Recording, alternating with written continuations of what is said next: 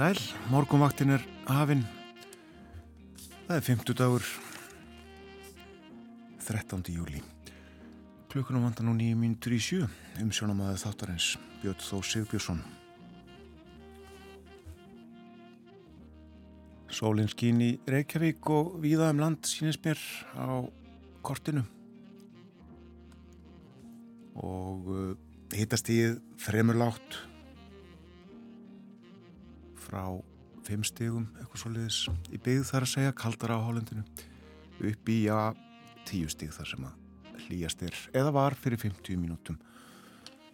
Ég hef með uh, yfirlitskort frá því klukkan 6 og það var 8 stíg að hitti í Reykjavík, hægur vindur létt skíð 6 gráður á Kvanneri 8 stíg að hitti í Stikisólmi 9 gráður á Patrísfyrði 8 stíg í Bólungavík, áttastig líka á Hólmavík. Það eru 7 metrar á sekundu. 6 gráður víða á Norðurlandi, til dæmis á Blönduósi, við Söðunarsvita, á Akureyri og Húsavík. Það var vist lítilsátt að rigning á Akureyri klukkan 6. En nánast lokk, 5 gráði hitti á Rauvarhöfn, 7 stig bæði á Skeltingstöðum og á Eilstöðum, skíjað á Eilstöðum. Nýju gráður á höfni Hortnafyrði og 8 metrar þar, 10 stiga hitti á Kvískerjum, 8 gráður á Kirkjubæðaklaustri, 10 stig á Stórhauðaði Vesmanauðum, 4 metrar og 7 gráður í Árnesi. Svalara á Hálendinu eins og ég sagði, 2 og 3 gráður. Þryggja stiga hitti núna á Holtavörðu heiði til að mynda. Tveggja stiga hitti við Káranhjúka. Svona viðræði klukkan 6 en spáinn, hún er svona norðan og norðvestan 8 til 15 metrar í dag. Það verður kvassast vestan til og við austuströndina. Og það bætir heldur í vindikvöld. Og það mun rigna víða á norðurhelmingi landsins og það má jáfnvel búast við slittu til fjalla. Og hitin á norðurhlutanum 3 til 8 stig, hlýra sunnan heiðan 10 til 17 stig. Og uh, á sunnverðurlandinu verður bjart með köplum stöku skúrir þó síteis þetta er spátagsins á morgun áfram norðanátt 10 til 18 uh, hægari vindur þó um landið austanvert. Það mun regna víða á morgun en það verður skíjað með köplum og úrkomu lítið suðvestan til. Og hitin á morgun 10 til 18 stig hlýjast sunnalands en 5 til 10 stig á norður og austurlandi Svo er það gasmenguninn, það þarf að hugað henni, það gís enn, já, rétt að taka það fram. Og uh, um gasmengun segir veðustofan, gasmengun best til suðus og að mestu yfir sjó gæti þó orðið vart á suðustrandavegi og á gunguleiðum þaðan að góðstöðunum og jafnvel í Grindavík uh, nýliðina nótt, þetta er... Uh, mengunarspá sem að gerð í gerðkvöldi. En já, uh, það gís og uh, sæmilegur reykja mökkur yfir reykjaneskaganum séð híðan úr eftirleitinu og ekki gott að segja hvort þetta er allt einvorðangu gósefni eða hvort að reykur af brennandi gróðri blandist þarna við. Og gígurinn orðin uh, myndalegur sé ég á við útsendingunni á rúf.is. Það er ímislegt á dagskrá morgumvaktarinnar í dag. Eh, heimsklögin verður á sínum stað og eh, við förum betur yfir það á eftir hvað við ekkust ræða um við bói Ágússon í dag. Vegagerð líka til umfjöldunar og matur en eh, meira en þetta allt saman á eftir.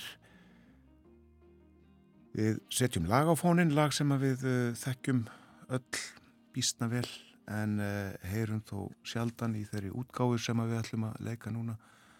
En uh, þetta er einn uppbrunalega útgáða af lagi sem að kom út fyrst upp á 1950 ef mann rétt og margir hafa sungið við þekkjum þetta í flytningi Haugs Mortens, hans söngum Bjössa pennagull en uh, það er sungið um annað hér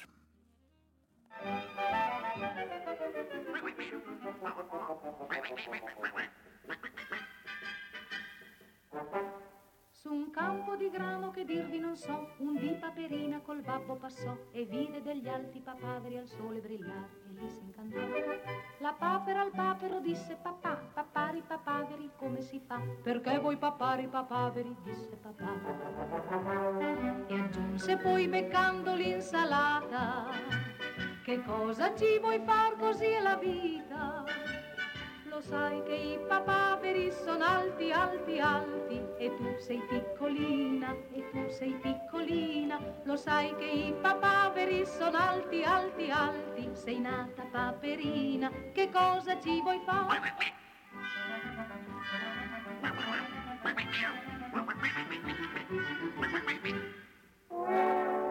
Vicino un ruscello che dirvi non so, un giorno un papavero in acqua guardò e vide la piccola papera bionda giocare e lì si incantò.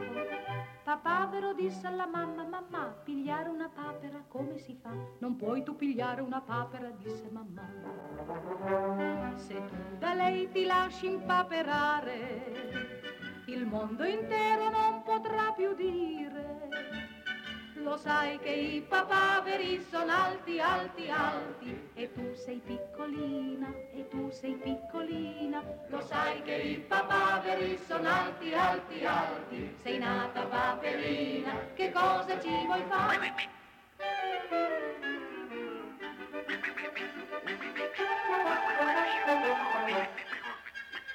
Un giorno di maggio che dirvi non so, avvenne poi quello che ognuno pensò. Papavero attese la papera al chiaro lunare e poi la sposò. Ma questo romanzo ben poco durò, poi venne la falce che il grano tagliò e un colpo di vento i papaveri in alto portò. Così papaverino se n'è andato, lasciando paperina impaperata lo sai che i papaveri sono alti, alti, alti e tu sei piccolina, e tu sei piccolina. Lo sai che i papaveri sono alti, alti, alti, sei nata paperina, che cosa ci vuoi fare? Lo sai che i papaveri sono alti, alti, alti e tu sei piccolina, e tu sei piccolina. Lo sai che i papaveri sono alti, alti, alti, sei nata paperina, che cosa ci vuoi fare? Che cosa ci vuoi fare? Já, Papaveri og Papere, Nilla Pizzi söng, upphaflega útgáðan af þessu lagi, kom út 1952 og uh, þarna var sungið um Valmúa og Endur efa ítalskan bregst mér ekki. Sungið á ennsku svo 1953 og loks á íslensku 1954. Loftur Guðmundsson gerði íslenska tekstanum Bjössa Kvenna Gull sem að Haugur Mortens söng. Fréttinnar eru framöndan hjá okkur á morgunvaktinni, kom eftir fáinnar sekundur. Við förum ítalega yfir dagskrá þáttarinn strax að fréttum loknum.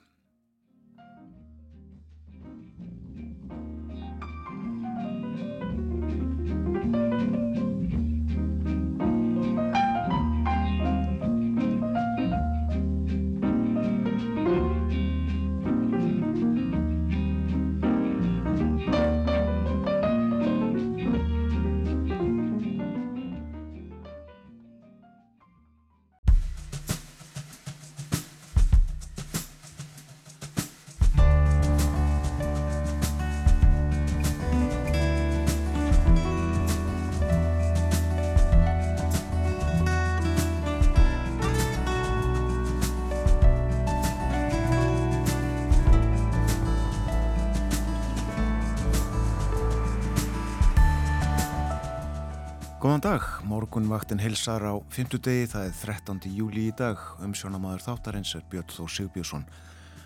Erlend málefni verða til umfjöllunar upp úr hálf átta, Bói Ágússon sest þá við heimsklukan og við ræðum nýjafstæðin leðtúafund Allandshafs bandalagsins í Vilnius, þar sem svíjarurðu loks aðilar að bandalaginu og þaðan leikur leiðin til Helsingi, þar funda leðtúar Norðurlandana og bandarækjafósiti í dag. Svo er aldrei að vita nefnum ef við förum nokkur hundruð ár aftur í tíman og spjöllum aðeins um kalmarsambandið. Við fjöllum svo um vegagerð eftir morgun trettnar, hver eru helstu og veigamestu verkefnin í vegagerð þetta sumarið. Bergþóra Þorkelsdóttir, forstjóri vegagerðarinnar, verður hér upp úr átta og fer yfir þau og það allra halsta sem að ráðist verður í á næstunni. Og í síðasta hluta þáttarins verður rættu um mat. Dóra Svavastóttir, matreðslumestari, ætlar að benda okkur á ímislegt gott og gyrnilegt sem sniðugtur að hafa á borðum svona yfir hásumarið.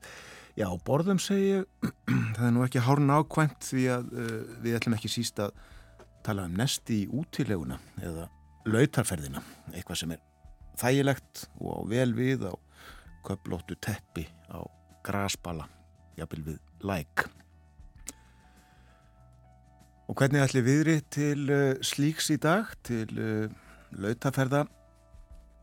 Það verður norðan og norðvestanátt. 8 til 15 metrar á sekundu kvassast vestan til og við austurströndina. Og bætir heldur í vindi í kvöld. Og það verður viða regning á norður helmingi landsins jafnvel slitta til fjalla. Ekki heppilegt að vera í lautaferðum til fjalla á norður hlutalandsins og hitin 3 til 8 stig fyrir norðan.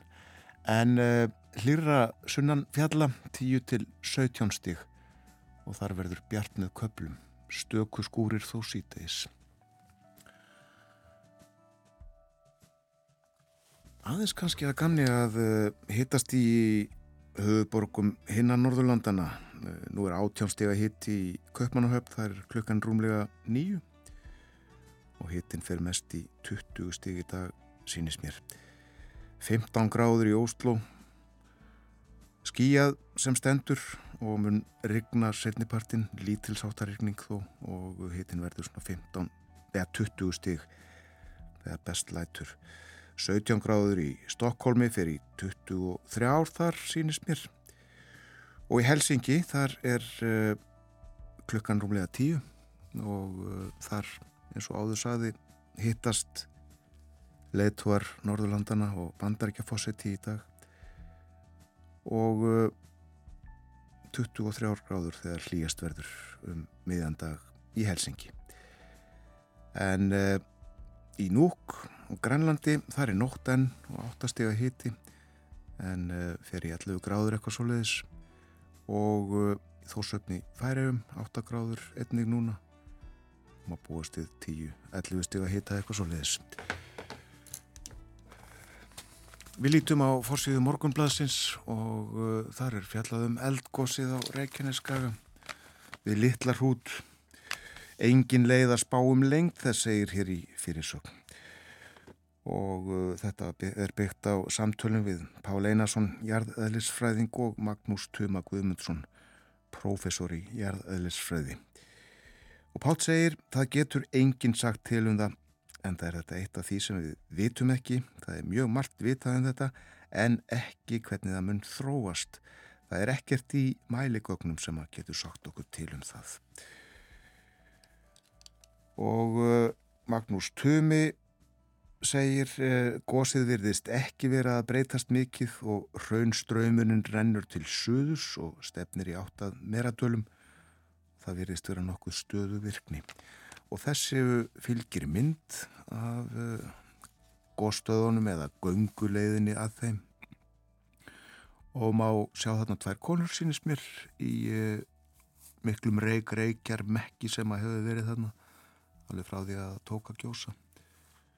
Og þær eru með svona eitthvað fyrir vitunum til þess að auðvölda sér andadráttinu Nú, eh, fleira á fórsíðu morgunblassins eh, sagt frá því hér að eh, fyrirtækið Arctic Green Energy það hefur borað yfir 900 borhólur í Kína í leitað heitu vatni og komið að frangkvæmt yfir 1000 jarðhitaverkefnum þar í landi. Þetta er íslenskt fyrirtæki sem heitir Arctic Green Energy og um 90 miljónir fermetra af húsnaði eru kynntir með heitu vatni fyrir tilstilli fyrirtækisins og það er rætt hér við forstjóra þess Sigurd Alla Jónsson og hann segir á þessu ári eru við að spara útblástur á um 5,2 miljónum af koldvísiringi, miljónum tonnavendalega Árangur okkur í, okkar í Kína er langstæsta framlag Íslands til lofslagsmála. Þetta er aðeinsvert og ítalega rætt við Sigur Alla í blæðinu í dag. Og uh, svo er það náttúran en uh, stopp hafarna á Íslandi fyrir stækandi og varpsvæði fuglana hefur breykað. Þetta er haft eftir Kristni Hauki Skarpíðinsinni dýravistfræðingi hjá Náttúrfræði stofnun Íslands. Hann segir þróuna jákvæða hjá íslenska erdinum. Gott að heyra. Góðar frettir. Hér í gær var í þettinum rætt við bæjastjórn í Grindavík, Fannar Jónasson. Við spjöldluðum um eldgósið núna og fyrrigós og uh, jarðskjáltana sem að fóru mjög illa í, í búana. Sérstaklega þarna 2020 í byrjun ás og fram eftir því ári þá. Fellegi skjáltar þá og uh, ekki almenlega nógu mikið vita hvað var á segði í, ofan í jörðinni. En uh, við vitum meira núna. Hvers vegna nefni ég þetta? Jú, uh, vegna þess að við ætlum að hlusta á lag sem að uh, Sigvaldi Kaldalóns samti. Sigvaldi Kaldalóns bjó í Grindavík, uh, var læknir þar og samti þar fjölmörglög. Ég veit ekki hvort hann samti þar lagi sem við ætlum að hlusta á núna. En uh, það heitir þú eina hjartans indið mitt og Guðmundur að Geirdal gerði textan. Helgi P. syngur.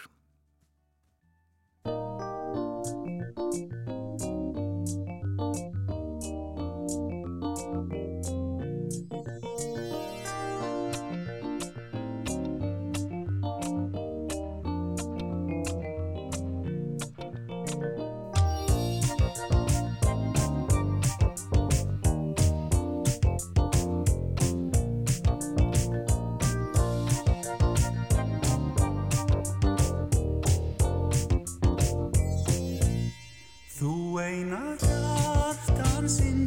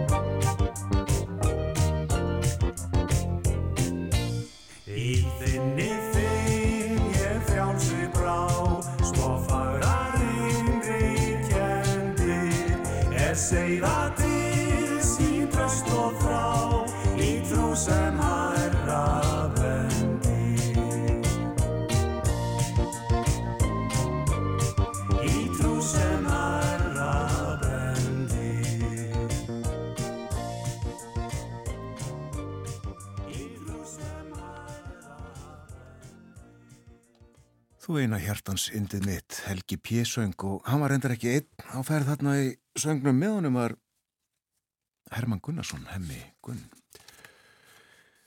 Við lítum í gömul blöð eins og við gerum stundum hér í þættinum, förum 100 ár aftur í tíman til eh, 13. júli 1923, það var förstu dagur. Byrjum á vísi, auglisingar á forsíðunni. Ég fekk með eh, botníu skipinu Kandís, dálítið óselt enn á Openhout. Veggfóður, fjölbreytt úrval af ennsku veggfóðri, lágt verð, Guðmundur Áspjösson. Höfum fengið einn marg eftirspurðu gummi lífstíki, lífstíkjabúðin. Og uh, svo er það fréttir innan úr vísi. Þar var meðal annars sagt frá því að uh, kardinálinn Van Rossum, hann uh, hafði silt úr landi deginum áður með uh, Siriusi og uh, af mikið fjölmenni kom saman á hafnabakkanum til að sjá hann stíga á skipsfjöl.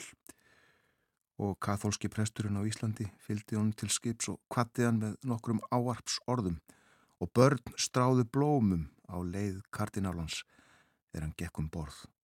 Allt var skipið fánum prít. Kardináli þessi eh, kom til Íslands fyrir hönd Páhans í Róm til þess að tilkynna katholska prestinum að uh, frá og með þeirri stund þá uh, heyrði katholska kirkina á Íslandi beint undir Páhan, Páhagarð. En áður hafði verið millilegur, las ég, mögulega katholska kirkjan í Danmörku, eða einhver staðar annar staðar, ég svo sem veit að ekki. En það sem að landi var orðið sjálfstætt á langmestu leiti það er hlotið fullveldi þarna fáinum árum áður að þá taldi Páinn að rétt væri að katholska kirkjan á Íslandi heyrði beint undir hann og uh, þetta var mikil og merkileg stund þetta meðal katholskra á Íslandi en uh, var talsvert um þetta fjalla á sínum tíma og uh, kardinálinn hitti meðal annars forsættisráþurann sem að þá var Nú fleiri fréttir úr uh, vísi frá því fyrir hundrað árum. Tveir áltar ungar hafa nýlega verið fluttir á tjörnina og veru hafðir þar í výrgirðingu í sefinu til þess að gömlu áltirnar verðum ekki að bana. Nokkrar endur hafa orpiði tjörnina í sumar og hafa nú leitt út. Í tjarnarhólmanum er mikið kríuvarp en svo verið hefur nokkur undanfærin ár. Og svo er svo sagt frá því að uh, maður nokkur hafi keitt sér deginum áður 30 svartfuglsegg hvert á 35 öyra en þegar farið var að sjóða þau reyndist eitt þeirra óskemmt hinn öll óætt hefur þá þetta eina egg kostað 10 krónur og 50 öyra og það var mikið svo er hér yfirlýsing hér með lýsi ég því yfir að ég hef aldrei verið bolsiviki eða kommunisti en blátt áfram sósialisti. John Jósefsson sjómaður, kirkustræti 2. Laugrétta, hún uh, kom einni út og uh, já, þar var uh, fjallað um Íslands döl og erindi kardinálans Van Rossum sem ég gatt um áðan. En uh, fleira var auglýst á þessum degi í blöðunum mikið af tómum kössum til sölu á laugavegi 15. Nokkur reypi til sölu í kjallarannum á hverfiskötu 57a. Nokkrar góðar varphænur óskast. Og uh, röpbertar sápan, þvær allt, skemmir ekkert. Og uh, svo er hér aðsend grein í morgunblæðinu eftir Richard Beck. Richard Beck var merkilegu maður, hann fættist löst fyrir aldamóti 1900. Áttagarnir voru á reyðafyrði en hann flutti svo vestur um haf til Kanada, nam við háskóla í New York ríki í bandaríkjunum og var sér profesor og kendi norran fræði og bókmentir við háskólan í Norður Dakota og hann var að auki skáld. Vanrægt þarfamál er yfirskrift Greinar Richards í morgunblæðinu sumarinn 1923 og þetta vanrækta þarfamál á hans mati eh, var þá almennt þekkingaleysi útlendinga á Íslandi og Íslendingum. Og uh, það meðal á næstæði komu erlendra ferðamanna til landsins fyrir þrifum. Og Richard tók dæmi, þrjú dæmi um vanþekkinguna sem hann hafi rekist á. Í kennslubók í landafræði fyrir kanadíska úlinga var fjallaðum land og þjóð í 20 línum, mun færri línum heldur ennum önnur ríki og aðrar þjóðir og kjarnin í þeim skrifum var sá að graslendi á Íslandi væri svo lítið að bændur þyrtu að beita fjenaði sínum á hústökunum sem væri úr torfi og vel grasi gróin vegna hlýjindana innanað. Richard saðist hafa brosaði þessum. Og annað dæmi var grein í kanadísku tímareiti þar sem sagði að íslenskar konur þvæju sér ekki í framann en uh, nuttuðu þessi stað lísi í andlit sér til að líta betur út. Og þriðja dæmið var svo bladagrein í New York Times því viðlesna bladi sem að byrst hafði í februar 1923. Í henni var fjallaðum endurprentun 50 ára gamallar frásagnar James Bryans lávarðar af Íslands heimsókn. Lávarðurinn hafði verið hér 1872 og skrifað um það sem fyrir augubar.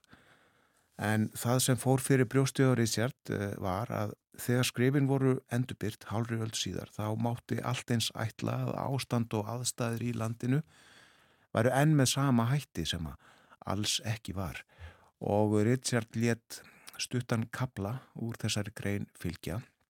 Hann snaraði þessu yfir á íslensku. Og uh, svona skrifaði sem sagt uh, Bræns Lávarður um Ísland 1872 það er engin borg á Íslandi nema höfuborgin og eru þar 1800 íbúar. Engin staður sem Þorp getur kallast nema ef vera skildi Akureyri með 50 húsum á strönd norður Ísafsins engin eru gistihús nema eitt í Akureyrarþorpi og eru öll áhöld þess tvö rúm, ein vaskana og skál og eitt biljartborð. Engar endur, hænur eða gæsir eru á Íslandi nema villgæsir. Engir grísir nýja asnar, korki vegir nýja vagnar, engar búðir nýja vefnaðarvörur, engir neytendur hinnar lögbóðnu lútestrúar. Korki landherr nýja sjóherr, engir menn til að gæta almennra reglu nema eitt lögurglu þjóttnir Reykjavík. Engir glæpamenn, aðeins tveir lögfræðingar og að lokum engir höggormar. Og manni verður á að spyrja hvað er þá þar? Og svarið er svona, snæfið þakkinn fjöll, jöklar, hverir, eldfjöll, jarskjáltar, norðurljós, hrafnar, mýraflákar og fremur öllu öðru auðnir eðimerkur. Já, Richard Beck þótti miður að þessi lýsing var í dregin fram þar sem að miklar framfarir höfðu orðið á Íslandi og hann lagði til að ráðist yrði í markaðs átaka á erlendri grundu til að laða hinga erlenda ferðamenn.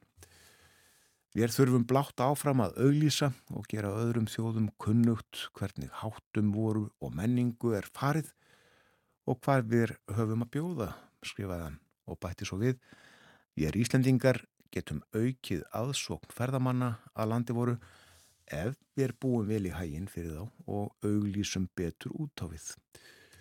Mætti svo fara er stundir líða fram. Að landi voru er þið að slíku eigi lítill tekju auki ef viturlega væri um þá hnúta búið. Svona skrifaði Richard Beck í grein í morgumblæðinu fyrir slettri öld.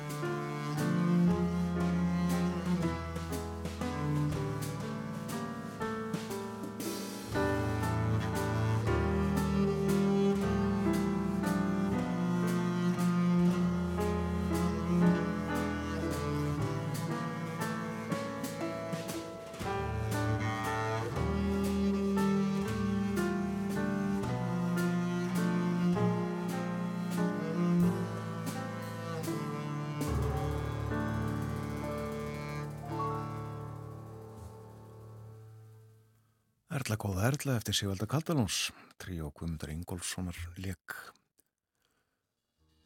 Bói Ágússon er að koma sér fyrir við borðið hjá mér. Koma sér fyrir við heimsklukkan spöllum um erlend málefni hér eftir frétta yfirlitið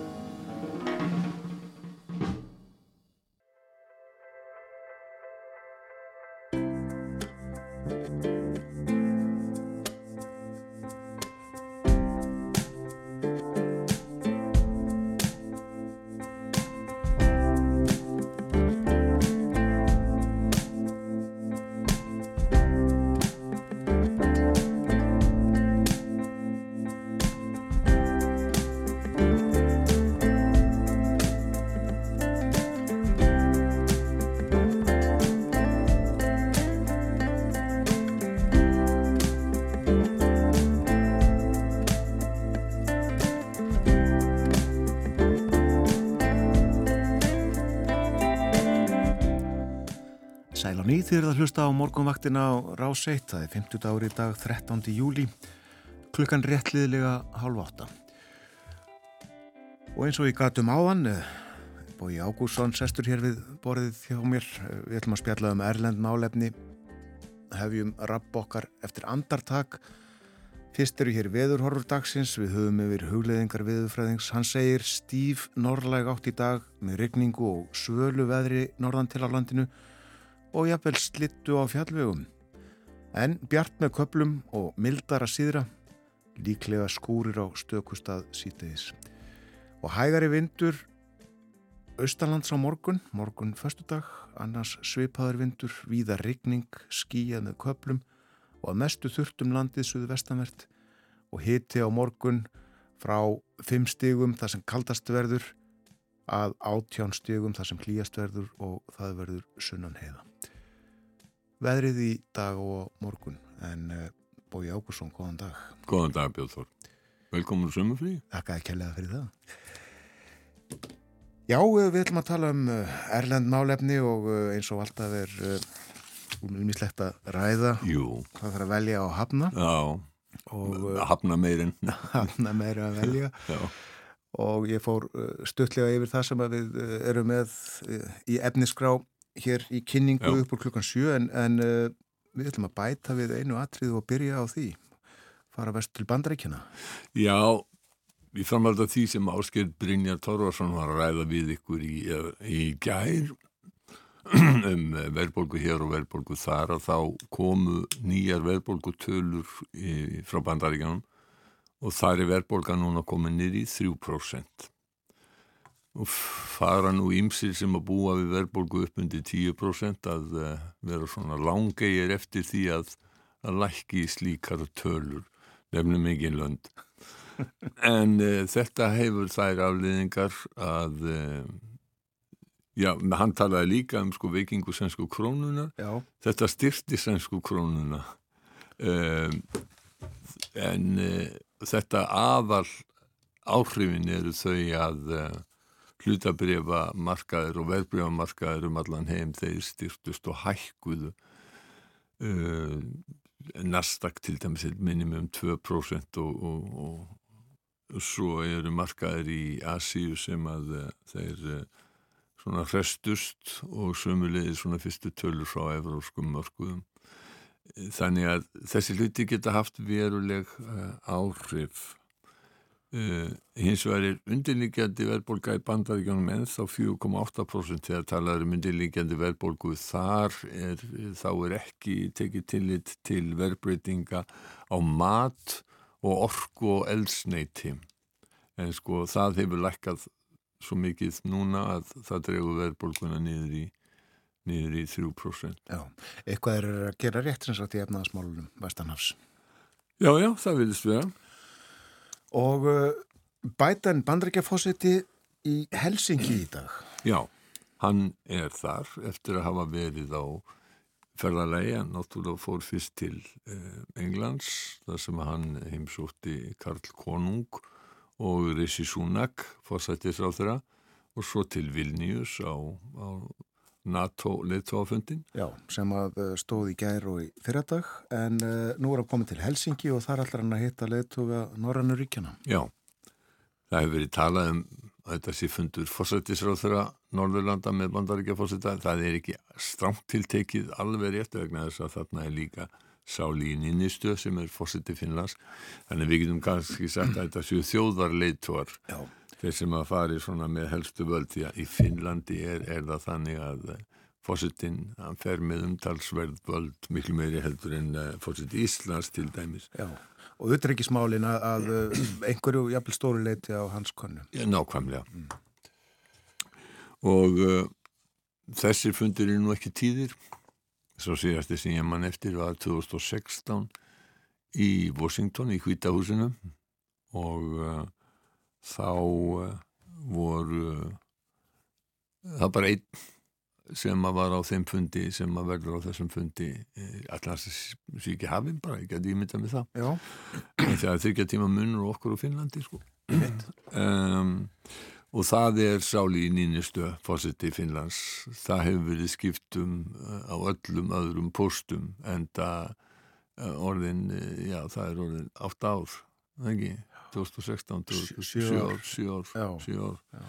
síðan að síðasti fundur var já, og sumstaðar hefur nokkur sinnum verið skipt um fórsættis. Uh, já, og, og svo verið skipt uh, tvisarum fórsetta bandaríkjana fyrst tekur Donald Trump við og hann hafði engan sérstakann áhuga á því að, ræða við uh, fórsættisráðan einhverja smá skítaríkja í hérna svona útkjálka heimsins ef að lítið í hans uh, huga hafði voðalega lítinn áhuga á Evrópu. Já, og ég var lítið ennþá minni á, á þessum pínu litlu ríkjum því að samtalsir þetta erum við norrænu ríkin þetta er svona 27-8 miljónir sem að eh, er nú ekki íkja mikið í heimi þar sem eru meirinn 8 miljardar mannfólks á eh, þessum tíma. Þetta 2016 var Sigurður Ingi Jóhansson fórsættisráður í Ísland, Stefan Löfven var fórsættisráður í Svíþjóð, Erna Solberg í Noregi, Lars Løkke Rasmussen í Danmarku, hann er nú ennþá í ríkistjórnin núna sem utaníkisráður og uh, danski stjórnmálaskinnendur eru að raunar á því að, að hann uni sér vel í því ráðunetti og, og, og, og, margir ganga svo langt að segja að hann bara standi sér bísna vel í, í, í hérna í því ráðunetti sko. já, já. Og Sigur Ringjöðu þetta uh, líka ennþá á þeirra. Hann er ennþá ráð þeirra hann er ennþá ráð þeirra Stefán Löfven hins var hættur í pólitík Erna Solberg er eitthvað stjórnaranstöðunar í, í Noregi sko. Uh, á þessum tíma var Júa Sippile um, fórsettis á þeirra finna en uh, nú er það Petteri Orpo. Og uh, stjórn við völd í Finnlandi sem er nú ekki spáð miklu langlífi. Nei, það er, hún er bara búin að vera þarna í eitthvað mánuð en uh, það er ímislegt sem bendir þess að það sé það sé svona mikil innri spenna í þeirri stjórn og þá aðalega milli sannfinnana og sænska þjóðaflokksins sem að uh, á erfitt með að sætta sig við ímislegt sem að kemur frá sannfinnunum og en uh, það ber að fara varlega að uh, spá fyrir um þróun í pólitík hún getur orðið á, ymsanátt. já, það er annar bragur á, á uh, þessari nýju uh, finnsku ríkistjórn heldur en var í, í fórsættisáðra tíð Sönnu Marin. Allt annar og, og, og jæna, ég vissum að, eh, að Donald Trump hefði haft meira álít á, á þessari ríkistjórn heldur en á ríkistjórn Sönnu Marín. Á þessum tíma 2016 og þá uh, fór Barack Obama mjög fögrum orðum um Norðurlandin og hann sagði að þetta var ríki sem berðust fyrir umbyrðalindi mannrettundum, líðræði, virðingu fyrir trúfrelsu, málfrelsi, jafnbretti og svo sagði hann að ríkin væri til fyrirmyndar á svo mörgum sviðum að heimurinn er sjálfsagt betri ef að Norðurland væri fengið til þess að stjórnánum. Þetta saði Obama. Þetta, þetta sagði Obama. Þetta var nú ekki gæst ennþá en, en hérna. Já, já. En sko nú er að verða ákveðnar eðlisbreytingar á samstarfi þessara ríkja og það gerist að sjálfsögði með því að finnar eru orðnir fullgildir aðeinslega NATO og allar horfur á að svíjar verði það sennilega í oktober, november þegar að eh, og ef skulum við segja Tyrkneska þingið staðfestir aðeldarum svo svíja það ganga allir út frá því að það gerist. Trista lofórðum Erdóans Tyrklandsforsetta uh, sem hann gaf í, í Vilnius og uh, þetta breytir eðlinu að þýleitinu til að er svona staðfestir það sem að hefur verið að gerast og það er að Norræns samstarf verður kannski öflugast í varnar og öryggismálum. Norræns, formlegt Norræns samstarf það hófst upp á 1950 eftir síðar í heimstyrjöldina og hefur verið mikil fyrirmyndað alþjóða samstarfi allar því síðan það er samheilu vinnumarkaður og við getum flutt á milli landana og sérstað og njótum sömu réttinda uh, í, í hinnum nárænu ríkjanum og við njótum í heimaríkinu. Svona 99% það er alltaf undantekningar og, og það er sérstök nefnd sem er að, er að taka á við það sem heitir landamæra hindranir á, á norrannu tungumólunum, grænshindringar en uh, talað um stjórnsýslu hindranir á, á, á íslensku. Og uh, það er alltaf ykkað um það. Það sem að búrokratar og kerfi eru þá er uh, á stundum geta komið upp í svona kerfisleir erfileikar Já, þetta rekst stundum á. Þetta rekst stundum á mm -hmm. en sko að mór svo sem lengst af að þá mátt ekki tala eitt eða neitt um varnar öryggismál af þeirri einföldu ástæðu að það var svo viðkvæmt staða Finnlands uh, gagvart og rússum eða Sovjetíkjanum þá var svo viðkvæm og uh, sömulegis hlutleysi svíja en uh, nú hvort ekki fyrir bí og raunar hafa svíjar og finnar á undanföldum árum unnið mjög náið með NATO en það er eitt að vinna náið með þeim eða vera fullir uh, meðlimir og þar með falla undir þessa reglífi sem á orði komast sem er fymtagreinin sem að þýðir að árás á eitt ríki er árás á öll. Þar með uh, ert ekki að ráðast á Finnland eða Ísland eða eitthvað einstakti ríki, þú ert að ráðast á Bandaríkin og Ísland og Tyrkland og Breitland og Þískaland og allt dótarið og það í því er þessi mikli fælingar máttur Já, uh, Já og, og uh, sko Tóru Tórmóti Hægir professor við Varnamála skóla Háskólan Noregs og hann sagði þegar var vel að tala um þetta við NRK Norska Ríkisúttarpið að með yngöngu svíþjóðar að þá verði 27 miljónir manna í einu varnabandalæð og þetta séu meðal auðugustu samfélaga heimsins með mikinn varnarmátt og þegar finnar verði búin að endur nýja orustu fljóðvila sínar og fá F-35 þóttur að þá ráði þjóðurnar yfir 240 fullkomnum herflugulum og hernaðarmáttur Norðurlandana í sjálfu sér sé valdeflandi og rússar neyðist til þess að taka tillit til þess og, og, og Tórmót Hægir sagði að ef til vil verði Norðurland í sjálfu sér orðin svo öflug að með, að með meira hernaðarlega samstarfi að þá getur sjálf ráðið við krísur í samskiptin við rússa án þess að, þurfa að kalla eftir hjálp frá, frá bandaríkjamanum. Við skulum heyra Tórmót Hægir segja þetta í viðtælinu við NRK. Og det i seg selv er en egen maktfaktor som russerne er nødt til å hensynta, og kanskje vil de nordiske landene gjennom mer samarbeid bli enda flinkere til selv å håndtere kriser, hendelser, episoder med russerne, uten at man nødvendigvis behøver å påkalle amerikanerne hver gang det skjer noe. Þannig þetta er svona eina mörgum röttum sem að eh, benda á það að samiðilega síðan Norðurlöndin bísna öflug Bertel Horter sem er nú fyrirverandi ráð þeirra í Danmörku var í mörgum ráðanitum og mjög lengi, satt mjög lengi á þingi nýhættur og, og enda er svona sem fósetti Norrlandaras og, og mikill áhuga maður um Norræna uh, samvinnu. Hann var óþreytandi við að benda á það hversu öflug Norðurlönd væru ef að þau stæðu saman á alltaf vettvangi. Eh, efnahagslega þá, þó að þetta sé ekki um að 27-8 miljónir manna, að þá yrði þetta 11. til 12. mesta efnahagsveldi heims. Og það bara segir mikið um stöðu þessara landa efnahagslega í heiminum. Sko það má svo sem segja að allir norræni stjórnmálamenn hafi ymitt tekið eh, undir þennan þráð eh, og, og, og eh, Jónas Gahr Störe eh, fórsetisraðra Normanna að hann sagði eh, að það hefði verið draumur allra stjórnmálamanna á Norðurlöndum eftir síðari heimstyrjutina að mynda Norrænt varnarbandalag.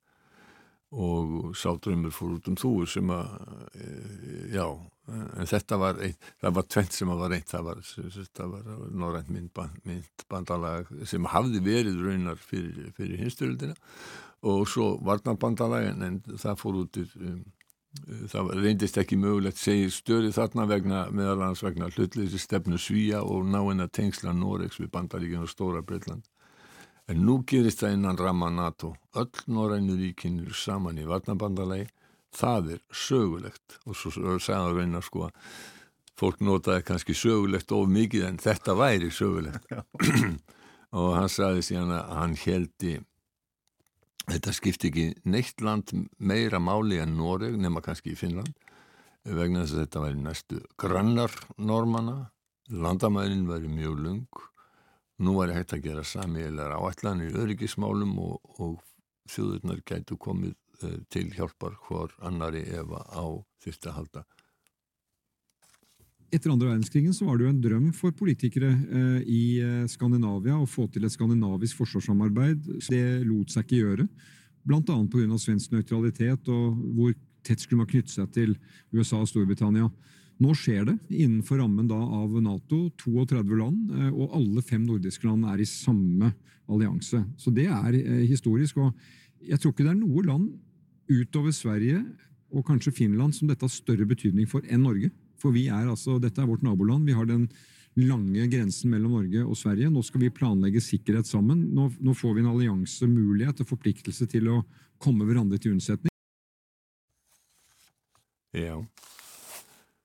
En svo vorum að minnast á áðan og þá, þá breyttist eðli þessa norræna samstárs mjög mikið, kannski einna mest með, með, með skýslu sem að Torvald Stoltenberg fyrirvenandi utanrikis alþæra Noregs og, og fadir núverandi framkvæmdarstjóra Allarsarspandaraksins eh, gerði 2009 svo, svo skýsla eh, var það sem hafa með 13 eh, liði uh, áherslu atriði sem hann sagði að já, bara 13 tilugur um uh, frekara norrænt samstarf.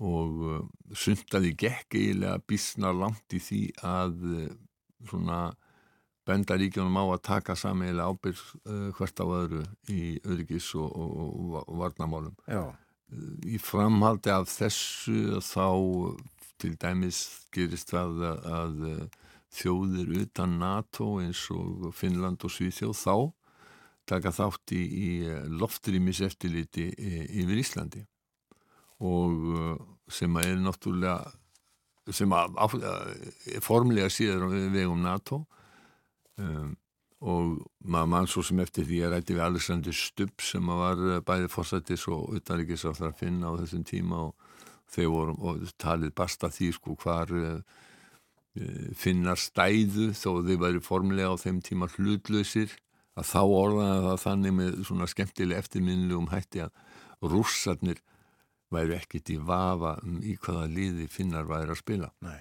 akkurat. það væri þeir, þeir hérna þeir, Það er illa gengt lendamál. já, það var það já. en síðan er það náttúrulega innrás og rússa í uh, Úkrænu sem að verður til þess að það verður algjör hugafarsbreyting á einni nóttu Já. í Finnlandi og aðeins tók aðeins lengri tíma í Svíþjóð en Finnarnir bara allt í einu þeir bara sögðu sko nú er þetta, nú, nú er þetta hlutlýsistæmi búið, nú bara förum við inn í NATO Akkurat. Og uh, þarna sem sagt núna uh, Norðurlöndin 5 uh, Ísland, Norrögur og Danmörk meðal stopríkjana 1949. Já. Sko þetta tala okkar hérna síðustu mínútur það leiðir eiginlega okkur nok nokkur hundruð ára aftur í tíman Já, til Kalmarsambansins. já það gerir það nefnilega Kalmarsambandið fyrir þá erfáu sem er að hlusta og ekki vita var þegar að eh, Norðurlönd voru eitt ríki 1397 þegar að svona erðir leittu til þess að, að Margrét fyrsta varð drottning eh, allra Norðurlanda. Og, og, þar, þar með þetta er náttúrulega bakgrunni þess að, að Íslandinga ganga inn, inn, inn í Danaríki en við höfum verið, við höfum verið hluti af Nóri Já. Eh, fram að því. Eh, sko og þá vorum við talandi um að þið, þið voru líka í gæri að tala um orkniðar við hana Vilborgu og uh, sem hún skrifað skáldsögurnar um, um auði djúbúðgu sem að gerast þetta og þekki gríðarlega vel til. Sko það sem að það er Haraldur Harðráði sem að Íslendinga segja nú hafi stökt frjálsborðnum höfðingjum í Nóri til Íslands að því þeir vildi ekki borga skatt. Náttúrulega eitt af þessu bulli sem er í Íslands um, um, um Íslandsöguna en hann það er allavega klárt að hann lagði undir sig uh, Orkneyjar og Hjaltland uh, 875 í kringum 875 og uh, það sem að gerist síðan ég sko saga Orkneyja og Hjaltlands er algjörlega samofin sögur Norrlandana það sem að gerist uh, á 15. öldinni og gerir það að verkum að uh, Orkneyjar og Hjaltland eða Orkneyjar verða að partur af Skotlandi er að uh, þetta er, þetta er vegna heimamundar sko um, Jakob Skotakonungur og, og dönsk prinsessa uh, Margrét sem hann raunar aðeins 13 ára uh, þegar hún var gefin konungi uh, þau giftast og þetta er að undilagi Karl VII Fraklands konungs vegna þess að hann er að reyna að setja niður deilur Skota og Norðurlanda. Skota skulduðu skatta af Suðurinn og mun og, og, og, hérna, og eigarnar voru settar í pant fyrir heimamund sem að danski kongurinn gati ekki borgað. Og það var til þess að þær voru panti var tekið, fyrst að penningandi kom ekki. Þess að hafa menn stundum verið að grínast með það að, að, hérna, að danski kongurinn formlega því að þetta hann, var- þjóðhönningi í Norðurlanda þegar þetta var uh, hann uh, ætti bara að danska hyrðin ætti bara að borga borga þennan pening og, og heimta orkniðarnar aftur. Já, já. uh, auðvitað náttúrulega ganga hlutinir ekki þannig fyrir sig og samkvæmt bresku stjórnarskráni sko, þá, þá er í rauninni ekki hægt þá, þá, þetta, þetta náttúrulega gerist ekki sko. en orkningar hafa verið að nota þetta til þess að benda á óánægju sína með stöðu sína innan breska ríkisins og, og innan Skotlands með hvað þeir hafa, hafa lítið fengið um, hvað hérna Það eru sko orkniðar, höfum það alveg á hreinu, það eru nánast í fjöruborðinu við Skotland sko. þær eru það sko. Það er sko hérna Pentlandsfjörður þarna á milli Já, uh, sem er nú erfiður. Oft silt þar í gegn. Uh, en, en hérna það er miklu erfiður ströymar þar. En sko þessi Margrét uh, sem, að varð skotadrottning þarna hún er formóðir líka bresku konungsfjölskylduna núna því að afkomandi hennar sem var Jakob uh, sjötti skotakonungur ætlum hún hafi ekki verið langamans hann verður síðan Jakob fyrsti englandskonungur þegar að uh, Elisabeth deyr án þess að eiga nokkurt no, nok, nokkuð barn þannig að, já já þetta er mikil og samúin og skemmtileg saga að fara ofan í já, akkurat. Ímyndlegt hjá okkur í uh, heimsklukanum þennan morgunin kæra þakki fyrir í dag, Bói Ákusson. Og framöndan eru fréttir hjá okkur á morgunvaktinni kom eftir uh, fimm minútur tæpar, fyrst auglýsingar og eftir fréttir verður hér forstjóri vegagerðarinnar.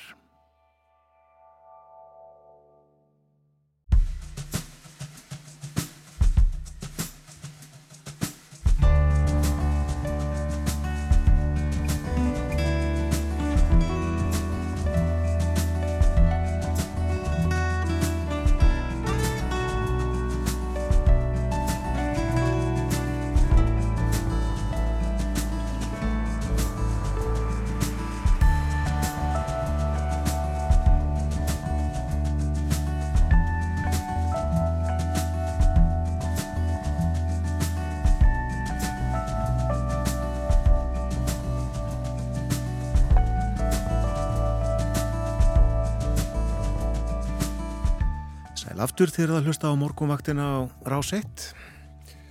Klukkan farin að ganga nýju. Það er 50 dagur í dag komin 13. júli. Bói Ágússon satt hér áðan. Við spjöldluðum um Erlend málefni, um Atlashafsbandalagið, fund þess í Vilnius sem að stóði í gær og fyrradag og allt stefnir í að svíjar verði fullgildir aðilar með höstinu. Tölum líka um uh, Kalmarsambandið, uh, fórum hvað, 700 ára aftur í tíman eitthvað svoleiðis og uh, kongar og drotningar komu við sögum. Og ég minni á að hér eftir uh, hálf nýju þá ætlum við að tala svolítið um mat. Dóra Svavastóttir, matreistumestari, kemur til okkar og uh, ætlar að benda okkur á eitthvað gott og jafnvel sniðugt til þess að borða svona yfir hásumarið og þá ekki síst í útilegum eða lautaferðum. Það er að benda okkur á eitthvað sem að kannski blasir ekki við okkur svona dagstælega og við þurfum smá hjálp til að átt okkur á að eh, sé kannski sniðugt að borða. Og þetta þarf að vera fallegt, litrikt, meira á það á eftir. Veðurhorfurnar ætli viðrið, viðrið til lautaferða í dag, uh, það fer sjálfsagt eftir því hvar á landinu fólk er uh, spáin er svona norðan og norðvestan 8 til 15 metrar kvassast vestan til og við austustöndina og það bætir heldur í vind í kvöld og viða rigning á norður helmingi landsins jafnvel slitta til fjalla og uh, hiti á þeim slóðum 3 til 8 stig en á sunnaverðurlandinu verður bjart, bjart með köplum reyndar, uh, má búast við stöku skúrum sítiðis og uh, hittin 10 til 17 stig. Það var og. Hér næstu mínútur ætlum við að fjalla um vegagerð og uh, andspænis mér situr Bergþóra Þorkelsdóttir forstjóri vegagerðarinnar. Við ætlum að tala um uh, helstu vegaframkvæmdir sem að nú standa yfir eða eru í pípunum, nýframkvæmdir og viðhald. Velkomin í þáttinn Bergþóra. Takk fyrir það. Ja, hvernig er það? Er uh, allt á fullu í vegakerfinu núna? Öll tiltæk tæki í, í gangi, gröfur og, og valtarar og, og vörubílar og hvaða nú er? Já, á þessum tíma er allt á fullu og þessum tíma árs og þetta er náttúrulega best í framkvæmdatímin og, og ég veit að fólk sem keirir vegina verður vart við okkur og þetta byði ég fólk um að, að hérna, sína okkur skilning en kannski ekki síður að hugsa um öryggi þeirra sem er út á vegum að vinna því að, að það getur verið svolítið svona hérna, ókveikjand að standa með hérna, bílaströymin við hliðin á sér. Þannig að, að ég bara nýti tækfæri og byrð fólk um að virða þær hraðalækkanir og takmarkanir sem hafa verið settar upp til að verja vinnandi fólk. Já, er það ekki ástæðalösu sem á nefnum þetta? Það er ekki ástæðalösu, það er oft sem fólk sem vinnur þessi störf finnur til ógnar eða sem sagt upplifir ógn af umferðinu og þá jafnvel af bílstjórun sem kannski eru svolítið kærulausir í sinni umgengni við að þetta er nú lífandi fólk. Já, lis. Já, uh, það þarf að hérna slá af og virða þessar hraða takmarkanir sem að... það er mjög mikilvægt. Sko, er, þetta er áskildum, það stendur já, þarna. Já, og það er oft mjög stutt á milli sko, bílströmsins og þeirra sem standa þarna að vinna. Já, akkurat. Þannig. En veistu, hefur hugmyndum, einhverja hugmyndum uh, hversu víða á landinu unnið er að vega að gera akkurat núna? Nei, ég get nú ekki diskað upp með svoleiðis tölu en það er bara mjög víða. Það er verið að vinna viðhaldi í öllum landslutum og, og hérna reynd náttúrulega að gera þetta eins hvað að segja, eins, með eins mikill tillitsemi við eh, þá sem fara um eins og hægt er. Þannig ég get nú ekki sagt þér það, en, en hérna mjög við það. Já, en uh, segð okkur frá svona umfangsmestu framkvæmdunum sem eru í gangi. Já, það eru náttúrulega stórar framkvæmdir í gangi og, og hérna, með dettu nú kannski fyrst í hug uh, ringvegur um hotnafjara fljót sem er verk sem fór að stað í, í fyrra og, og það er stórt verk þar sem verður að taka upp 18 kilometra og, og, og byggja fjórar nýjar brýr. Og svo eru náttúrulega svona verk á ringvegi í dag þau eru orðin floknari heldur en bara það að taka veginn því að það er náttúrulega að umferðar öryggið er ekki síst bætt með því að fækka tengingum við aðal þjóðveginn þannig að þetta er mjög stórt verk nú við vorum að klára stóran kabla í Ölfusinu á Suðurlandsvegi bara núna í júni og erum svo sem enna að vinna frágangi á því verki og það var feiknalegt verk. Eh, nú það er verið að vinna á Kjalanissi að fyrri, fyrri áfanga að eh, veginum upp að kvalfjöragöngum og, og það fer langt á þessu ári það sá biti. Uh, nú við erum byrjuð á Reykjanesbrötinni að svona koma okkur fyrir þar og koma okkur í starthóldnar og, og hérna það er stórt verk líka. En þetta er nú svona stóru verkin okkar. Já. Nú svo erum við að klára verk sem að er sem sagt við kallum þverjarfjálsvegur þarna sem sagt skaga, frá skagastöndu upp á þverjarfjallið. Það er að klárast á árinu þannig að það eru sem betur fer eh, mörg stóru verk í gangi. Já. Eh, Stöldrum aðeins við, við uh, það sem þú saði ráðan um hlýðarvegi ég, ég eh, tók eftir þessu við nýja vegin í Ölfusinu og grunar eitthvað svona sem í gangi líka á kjælnesi er þetta sem sagt nýtt að hafa svona hlýðarvegi þar sem að, að ekki er inn á og svo af þeim heimabæjum eða hvað Já, sko, þú sér til dæmis á Suðlandsveginum þá held ég sé ekki að fara með randmál þegar ég segja við fækkuðum um yfir 20 tengingar á þessum kabla sem búið er að taka og það segir sér sjálft að þegar það eru kannski tvær þrjár tengingar í staðin fyrir 25 að þá eigst öryggi vegna þess að það eru færri sem er að koma inn á veginn, þvera inn á veginn og það er mjög mikið mál þegar þessi vegir fara að verða svona umferðarþungir. Og þá eru sem sagt búin til hliðarvegir sem er að það einhver, skulum segja svona sapvegir fyrir sveitina eða tengivegir fyrir sveitina og líka þá niður að bæjum og, og, og mannvirkjum sem þar eru. Og munum við sjá meira þessu í framtíðinni? Já, á þessum stæstu vegum eftir því sem að, að umferðin þingist að þá er þetta svona leiðin til þess að, að hérna, hvað sé að taka innansveitar umferðina svolítið til hliðar og hafa þjóðvegin sem þjóðveg og, og hérna, eftir því sem að eh, umsvifin aukast og byggðin þjættist þá er tilneng til þess að, auka, að, að, að fjölga þessum tengingum og þær eru óskup saklýsislegar þegar mjög lítil umferðir en svo verða þær öllu alvarlegri þegar mikill umferðarþungi er á megin þjóðveginum. Já. Það er auðvitað mörgu að hyggja þegar eh, vegir eru lagðir, við höfum öryggi, við höfum uh, bara landið og landslægið, uh, hvernig hægt er að leggja það og, og hvar og, og svo höfum við einhverja fjárhags áallunni. Er öryggið alltaf nummer 1, 2 og, og jafnvel 3 líka? Jú, sko við, við hönnun vega er öryggi alltaf nummer 1, 2 og 3 og allir vegir sem eru hannaðir fara í umferðar öryggisrýni og umferðar öryggismat og uh, þar, uh, það hefur, uh, hvað ég segja, niðurstaðan úr því er einna stæstu áhrifavöldunum. Um það hvaða útfarslur, hvaða veglínur og svo framvegs eru valdar. Því að sko markmiði nummer 1, 2 og 3 er að fækka slísum, alvarlegum slísum og banaslísum og það eru talsið tíðindi að, að nú er búið að gefa út að, að hérna, við stefnum að engum banaslísum Sagt, eh, það er breyting sem að varða núna í vor og það eru aðrar þjóðir sem eru hafa farið þessa leið og við höfum kannski verið aðeins hikandi við að vera með gríðarlega stórt vegakerfi og, og kannski ekki komin eins langt í að þróa það og ýmsir aðrir. En, en nú erum við búin að setja okkur þetta markmið og vinnum eðlilega að því.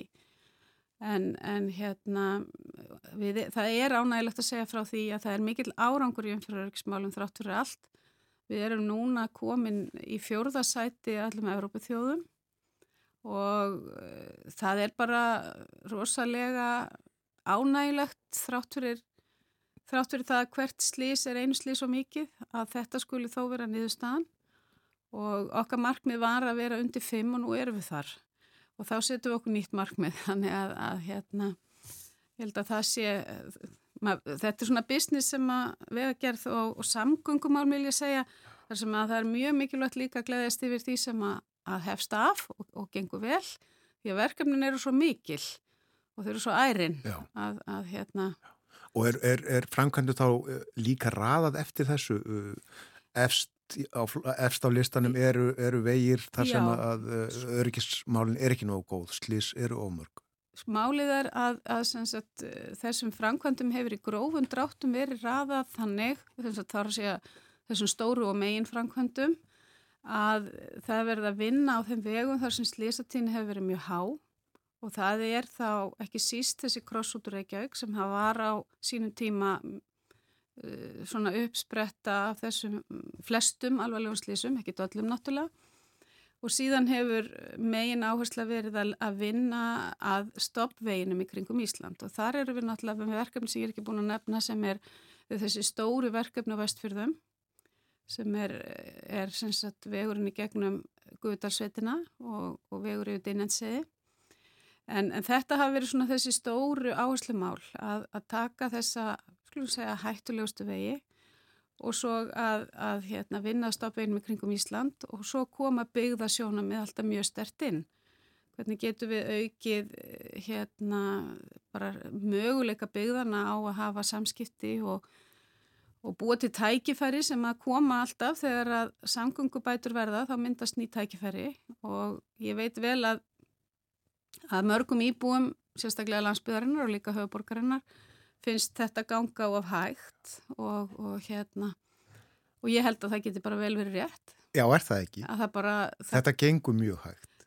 sko í eðli sínu eru þessar framkvæmdir mjög uh, tímafrekar og, og skulum bara segja þetta eru mjög langir og segir ferlar og það, fólk áttur sig ekki á því að þegar að við förum í svona framkvæmdi eins og Suðlandsvegin þá erum við kannski búin að vera undibúin í 5-6 ár og það, þetta eru, þetta eru lögformlegir ferlar bæði hjá ríkinu og sveitafélónum sem taka langan tíma og það þarf að hugsa fram fyrir sig Já, og vera, við erum núna að undirbúa framkvæmdir sem að verða eh, á kortinu eftir, já, alltaf tíu ár.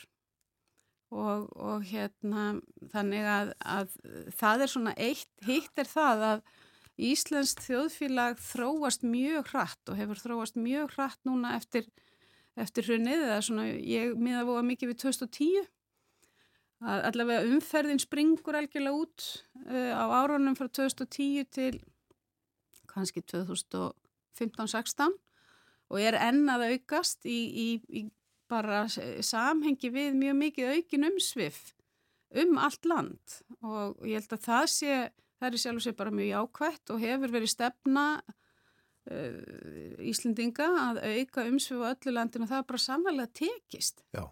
En þá koma innviðaverkir og við erum með innviðaverki og, og hérna og svona okkur liggur á að bæta innviði. Innviða verkir, já, það er ágættis orð. En þetta er aðtilsvert sem hún segir, uh, ef við tölum um uh, bara þennan kapla á Suðurlandsveginum, já, undirbúningur tekur 5-6 ár, framkvæmdir 2-3, þetta eru hvað, 7-9 ár eitthvað svo leiðis. Mm.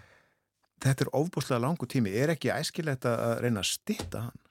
Það er alltaf æskilegt að reyna að stytta hann en á sama tíma er líka mjög æskilegt að ferill við undirbúning svona stórra framkvæmda sem eiga að standa kannski, skulum segja, 100 ár, að hann sé vandaður og, og það sé sveigrum í ferlinu til þess að taka til til ólíkra sjónamiða og þannig að þetta er svona balans á milli þessara tveggja þátta aðeins hvefið fyrir afsaka en hérna þannig ég, ég held það, já, ég held það sé ástæða til að, að reyna að, að flýta þessu fe- ferli en ekki að kostna þess að það sé vandað og það sé svigrum til þess að hlusta á þær rattir sem að þurfa að koma að. En það sem að kannski svona stendur upp úr að þegar að svona ferli fara í hnút, skulum við segja, eða þar sem að verður verulegur, verulegar tafir á því að hægt sé að taka ákvörðun, að þar, eh, þar þurfum við kannski að skoða það, sko, hvenar er allt full skoðað og hvenar bara þarf að taka ákvörðun og við erum alveg með dæmum það þar sem það hefur gengið mjög illa og, og hérna þessi vestfjörðavegur er til dæmis gott dæmum það. Já, tekskór, Teg skórin. það mál allt saman. Bergþóra, já, nei, þú veist ekki eh, hversu víða, eh, hversu margir eru núna að Nei. eh, leggja nýja vegi eða uh, laga eldri. En veistu hvað háum fjárhæðum er varið til vegagerðarir í, í sumarið ár? Já, í ár erum við með fjárvetningu upp á 23 miljardar rúmlega Já. og við tökum svona næstu því 10 miljardar í viðhald. Það er talsveit minna við þurfum en, en enga síður. Og restin fer þá í nýfrankvæmdir og þeim fjármunum er eh, náttúrulega skipt svolítið á milli þessara stóru verka og svo minni verka sem eru þá uh, típist verk á svo kallum tengivegum. Og tengivegir eins og nafni ber með sér tengja saman byggðir og, og hérna við eigum því miður ennþá mjög mikið að tengivegum sem eru að mala við og það er verið að reyna auka í að, að, að breyta þeim á malarvegum í, í vegi með bundnu slitlagi.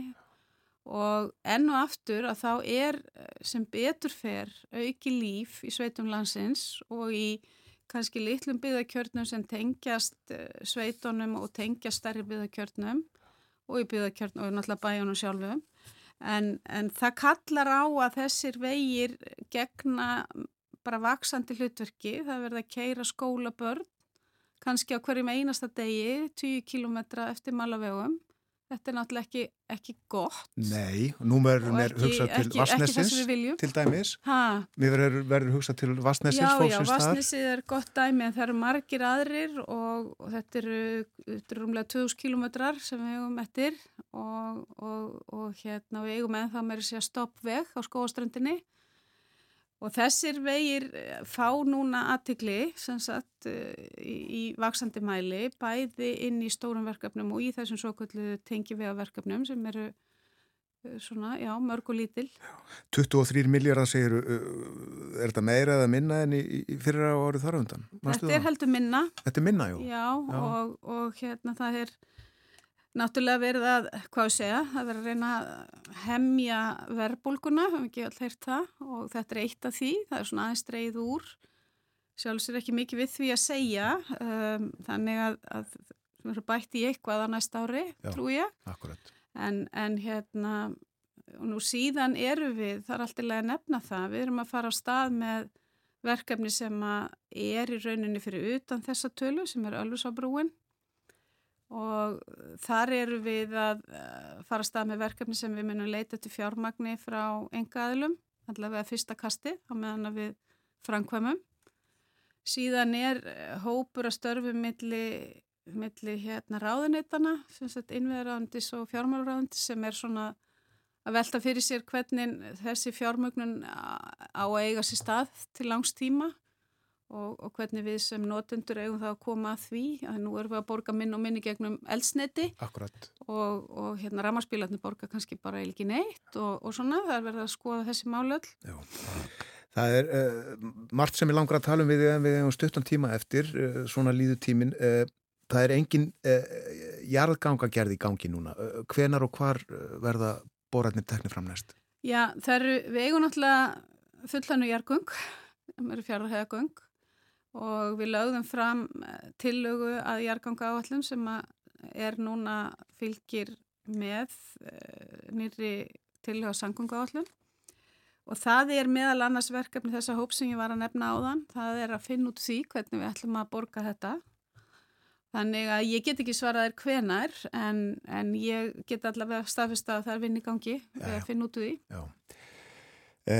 Rétt hér í blá lokin, uh, það á að taka í gagnið dag, er það ekki nýtt sangöngumannverki? Jú, við, þetta er gleðidagur í dag sko, því að það er, það er hérna, við ætlum formlega að opna nýja brú yfir Stórulagsá sem er á mörgum hrunamannarhreps og skeið og gnúburarhreps og það er bara alltaf mikil gleði í vegagerni þegar slíku dagur rennur upp því að það er mikið bara átt að koma koma svona mannvirkjum á koppin og, og það er mikil áskorun að, að hanna þau og framkvæma þau og það er því gleði þegar þau standa fullt búinn. Og færðu með stóru skerinn?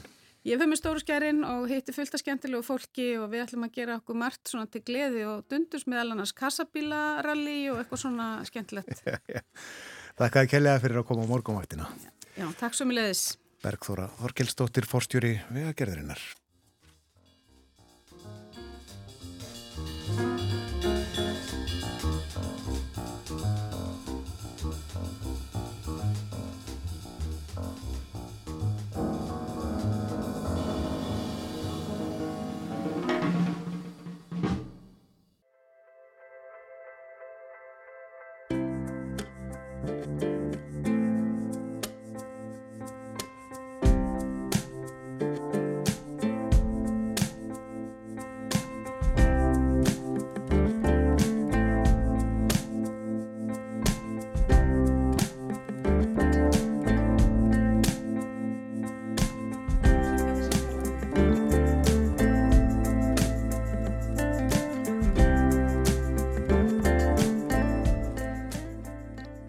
Sæl á nýð þeir að hlusta á morgunvaktina á rás 1 klukka núna réttliðlega hálf nýju Fórstjóri vegagerðarinnar Bergþóra Þorkelsdóttir haldin út í daginn og uh, leiðin liggur haustu fyrir fjall.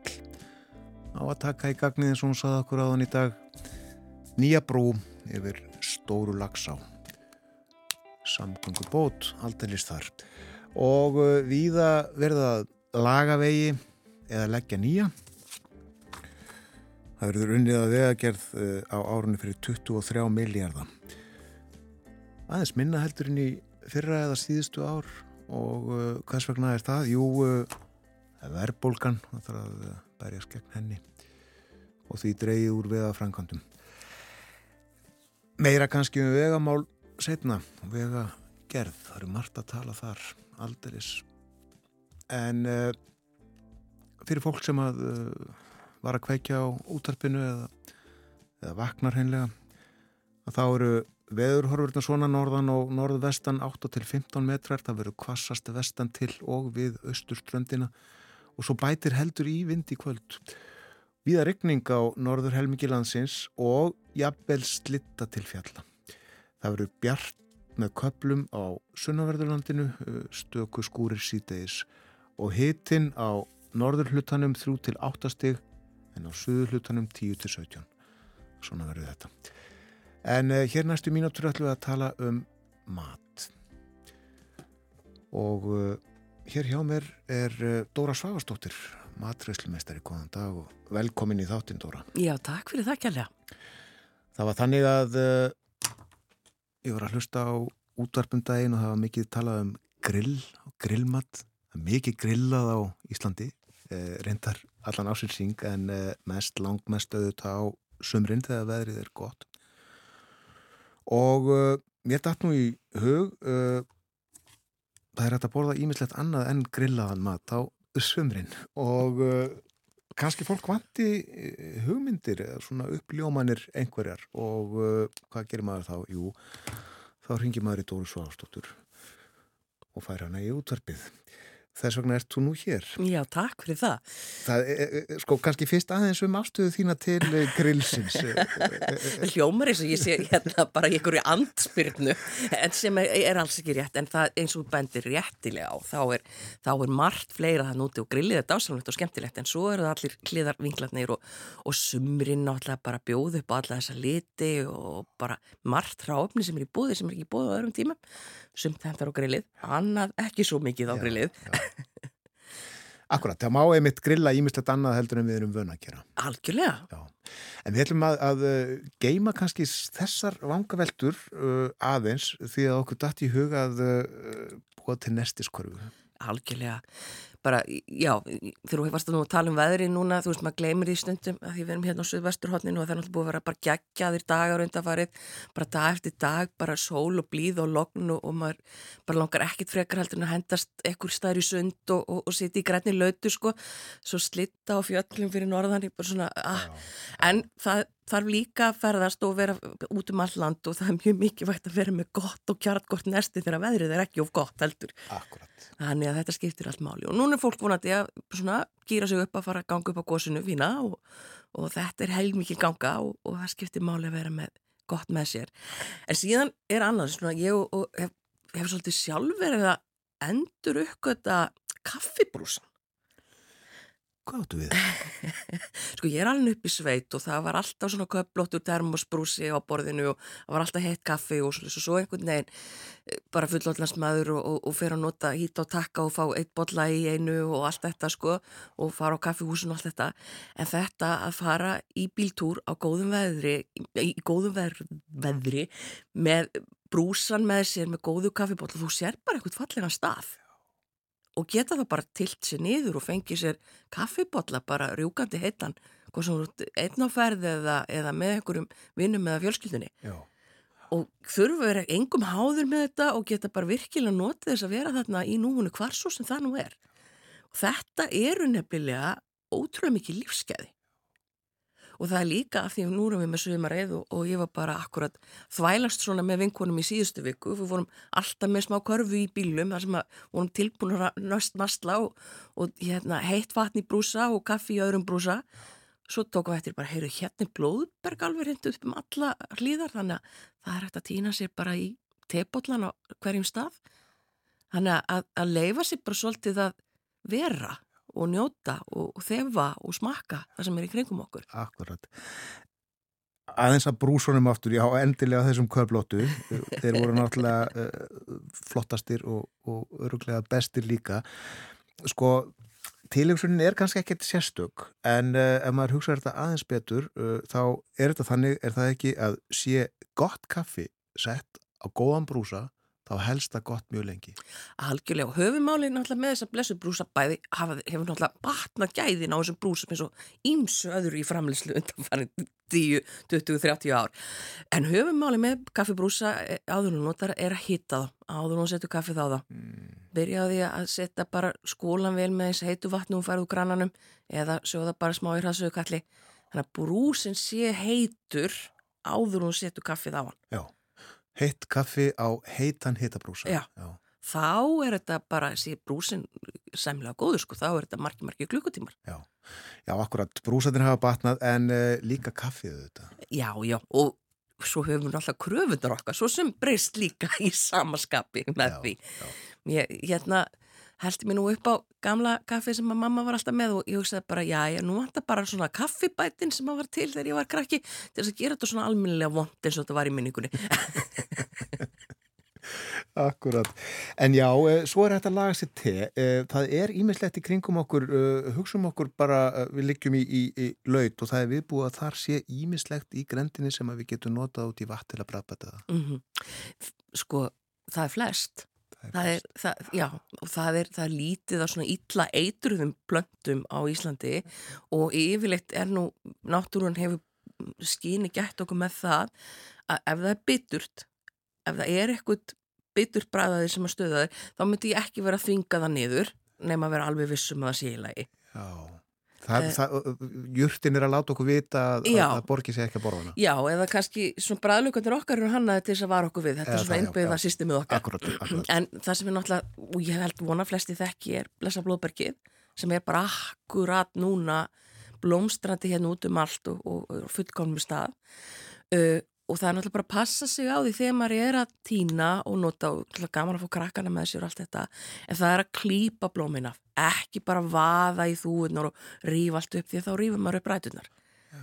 og þá getur kannski bara tekið þennan, þennan blóðbergsbrúsk þó nokkuð langan tíma að ná sér aftur.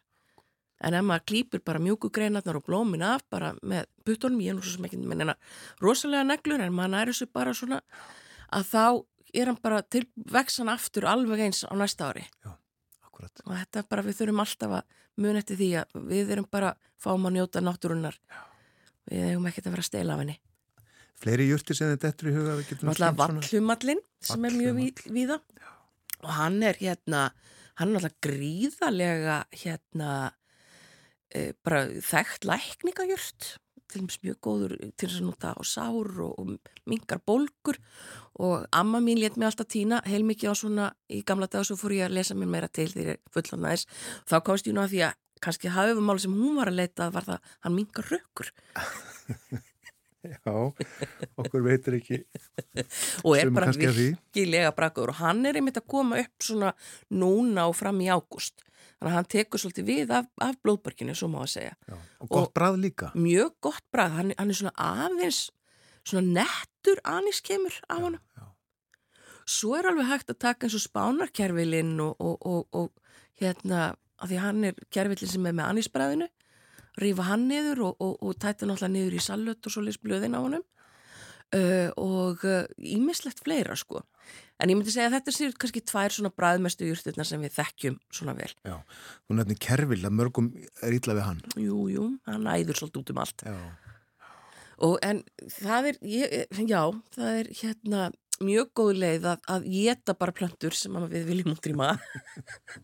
geta okkur í gegnum, gegnum garðin. já Og lúpínan er eitt líka Lúpínan er ætt uh, að því leitinu til sem sagt reyndar yrki sem að við erum er hér uh, er ekki nota mikið til átu en uh, lúpínu frægin sagt í öðrum yrkjum þau eru st- stækka svolítið mikið og eru mölu niður og mikið nota sem hérna glútenlust kveiti.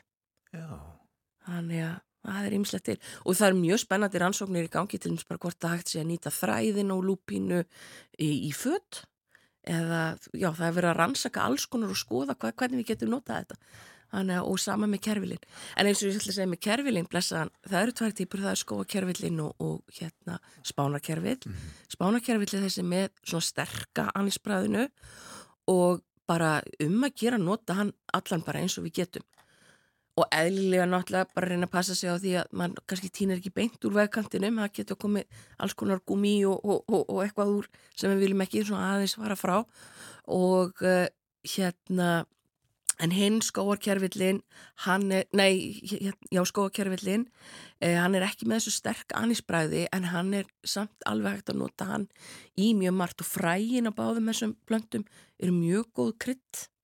Það er ofsalega skemmtileg. Ég hef verið aðeins að leika mér með að nota þau á fisk til og með sem að með bleikju og eitthvað svo les blóðberg og, og kjærvilsfræ og það er bara ekki þarf það að þurrka þau fyrst eða?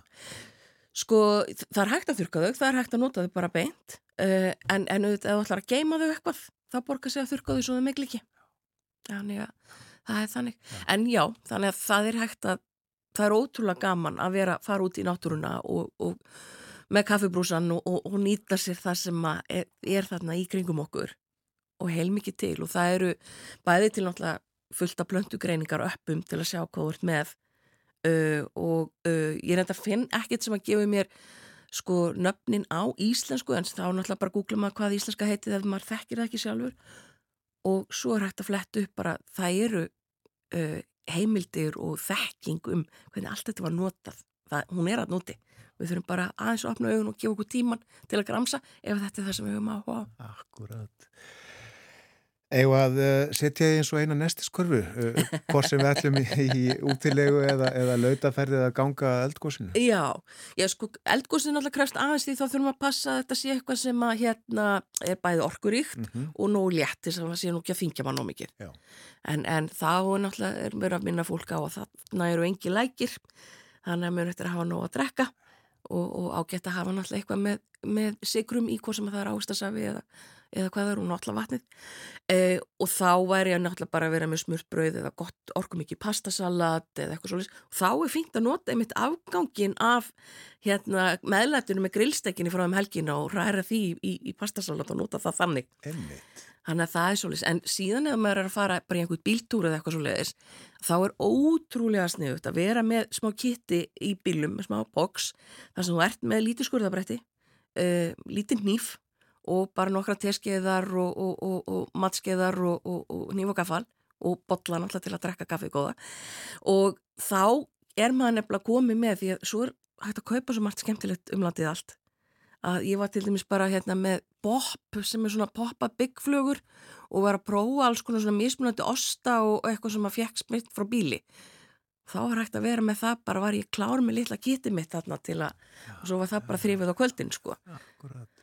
Uh, en í, já, þannig að, að það er kannski útbúnaðurinn sem Já. að skipti svolítið máli Þú ert eiginlega að segja ekki e, fara full nestu með allt innpakkað í plast eða álpapir eða hvað það er, heldur uh, verið þið búin undir að, að gera eitthvað sjálf. Já, og, og, og njóta þess að uppgöta bæði sko náttúruna sem er að nóti Já.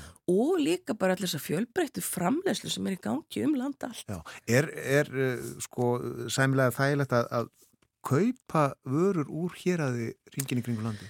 Þetta er alltaf að batna og það eru fullt af litlum stöðum sem að eru að auka bæðiselja bara beint eða, eða litla búðir sem eru bensinsjoppur eða eitthvað svolítið sem eru síðan með úrval hérna fyrir aðra, ég meina þetta er hug hérna í Borganesi, þar er Jésús minn núna stólið hún Já. búsæld eða hvað er þannig að fyrir neðan hittnuna það er hægt að kaupa beint frá bíli eða allt sem er framleitt á Vesturlandi eh, hérna litla bændabúðun og flúðum hún selur alveg ábúðslega margt og þetta er svona hægt að fikra sig um í, í kringum landi Einmitt, það er bara, uh, þó að kannski ekki blasi við að inna á bensinstöðu einhver staðar jafnvel eða einhverju svona vegasjópi þar fæst kannski grænmeti úr hér að já, úr sveitinni. já, já, já. og þetta, þetta er svona að, skjóta upp kollinu mjög víða sko Já.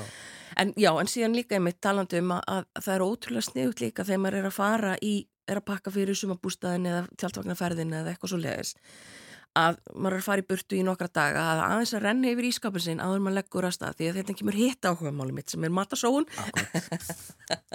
Að það er það að fara aðeins yfir þetta bara heyru hvað get ég tekið með, með mér hérna? Eh, þannig að það skemmist ekki með að ég er í burtu og getur flýtt fyrir mér þegar ég er að gera og búa til eins og segir, vera undirbúin á því litinu til að gera svona kannski beinagrinda matsæli ekki, og mun eftir því að maður þarf nú að prófa allavega þessar frábæru veitingastæðum landið nýtt ráöfni eitthvað svona en maður sé aðeins hérna, byrju, hérna á í smá kjötafganga eða ég á græmmeti og um að gera taka líka sós uppáhaldsósutnar og eitthvað svolítið sem þú átt hálfa flösku af eða heila eitthvað svolítið að byrja ekki ferðin á því að stoppa og fylla allt Mm. af, af nýjum krukkum meðan það er hálf krukka heima. Og síðan, þú veist, jú, þú maður sem er ágæðis kæluboks kannski í bílum en þetta er ekki besta mögulega geimslan og, og þá er kannski eftir nokkur dag þá svo krukka orðin ónýtt líka þannig að, að reyna að vera svolítið kreatív í að hugsa hvað maður á og hvernig get ég notað Já, einmitt, skipulegja sig út frá því sem er til. Já. Já, Já og þú nefndi veitingastæðan, ekki, við skulum ekki gleyma þeim. Nei, og vá hvað er mikil gróska Það var mikið breyst í þeim efnum á, á bara tiltölulega fáinum árum. Já, bara úr gæðin á stöðunum út á landi Mm. eru bara, já það eru nokkur, nokkur staðir hérna sem eru bara já, maður hefur ekki hugmynd um gæðalega séð hvort að maður er á kirkjubæðaklustri, höfn eða miðbæð Reykjavíkur sko. Akkurat. Það er bara, og þetta bara var ekkert hægt fyrir nokkur árum. Að reyna að halda út í veitingastað þar sem er vun á gestum í tvo mánuða ári það er svolítið annað heldur en núna þegar allavega það er maður búist við því að sé hæsu sísón mikið að gera í 5-6 og síðan bara gott að gera hinna mánuðina Akkurat, það er hægt að fá dýrindisrétti, fisk, kjöt, uh, grænmyndisrétti, hvaðina, kringin í kringur landið og einn til sveita líka. algjörlega. Við töluðum aðeins um litina, þeir eru mikilvægir á sumrin. Við viljum enda á þeim. litirnir, já, en sko það er svo auðvelt að sækja litin á sömri því þeir eru allt í kringum okkur, allt þetta litrika græmiti og allt þetta sem sprettur í kringum okkur. Og við borðum fyrst og fremst með augunum. Og það er líka bara mjög einföld næringafræði að við hefum að borða alla litina það er, það er hotlast fyrir okkur. E, við meðum heldur ekki glima því á veturinn, veturnar þá þurfum við kannski ennþá meira á því að halda andlega og líkamlega að borða litina í, í myrkrinu og skamdeginu en já, bara sækja sækja í nógu mikið af, af græmeti, jurtum og hérna kryddjurtum. Nota haugarfan haugarfa pasta og geggja gott.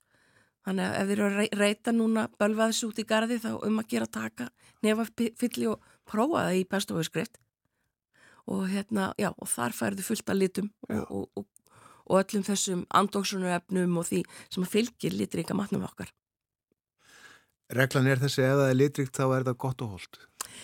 Það er, Holt já, já, já, það er, það er mjög hraðsóðin og ein, einföldun en í grunninn, já. Já, aðeins um þetta sem þú saði við borðum fyrst og næst með augunum. Já, við byrjum á því. Ef það er matur sem er mjög ólistugur, við sjáum hann, þá erum við búin að dæma hann svolítið, það, það verður svolítið hikandi þessi fyrsti bytti. Mm. En ef þetta er diskur sem að, hérna, er einmitt segi fallegur litrikur, vel uppsettur, að þá er maður strax komið með jákvæða væntingar, svo kemur lyktinn og svo förum við að bræða. Það er svona sem þetta gengur fyrir sig. Dóra, það var gaman að fá því í dag og þú ætlar að koma aftur uh, einhvern tíman í næstu eða þar næstu viku og þá spöllum við meira. Já, bara laka til. Innlega þakki fyrir í dag og uh, við ætlum nú að hlusta á uh, lag sem að mér finnst vera uh, tölvert í anda þess sem við vorum að tala um núna. Þetta er uh, hljómsveitin Ilja og lagið á Rauðum Sandi.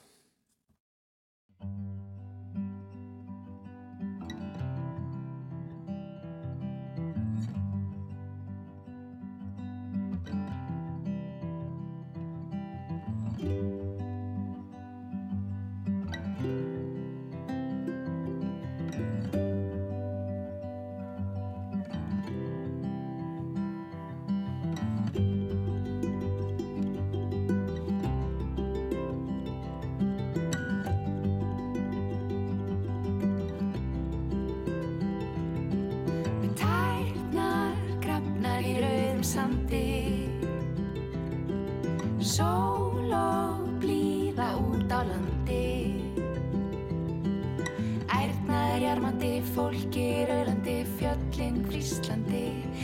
lækurinn svalandi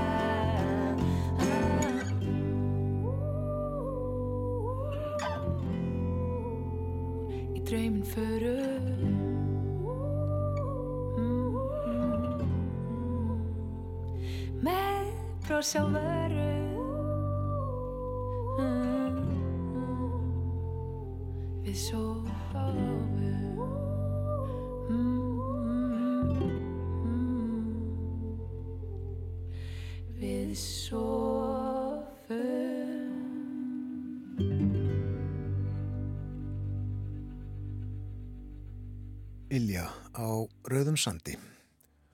Morgumvaktin er lokið, klukkan er alveg að verða nýju. Björn Þór Sigbjörnsson þakkar samfélgina. Ég vonaði þið njótið dagsins. Þátturum verður á sínum staði fyrramálið. Verðið sæl.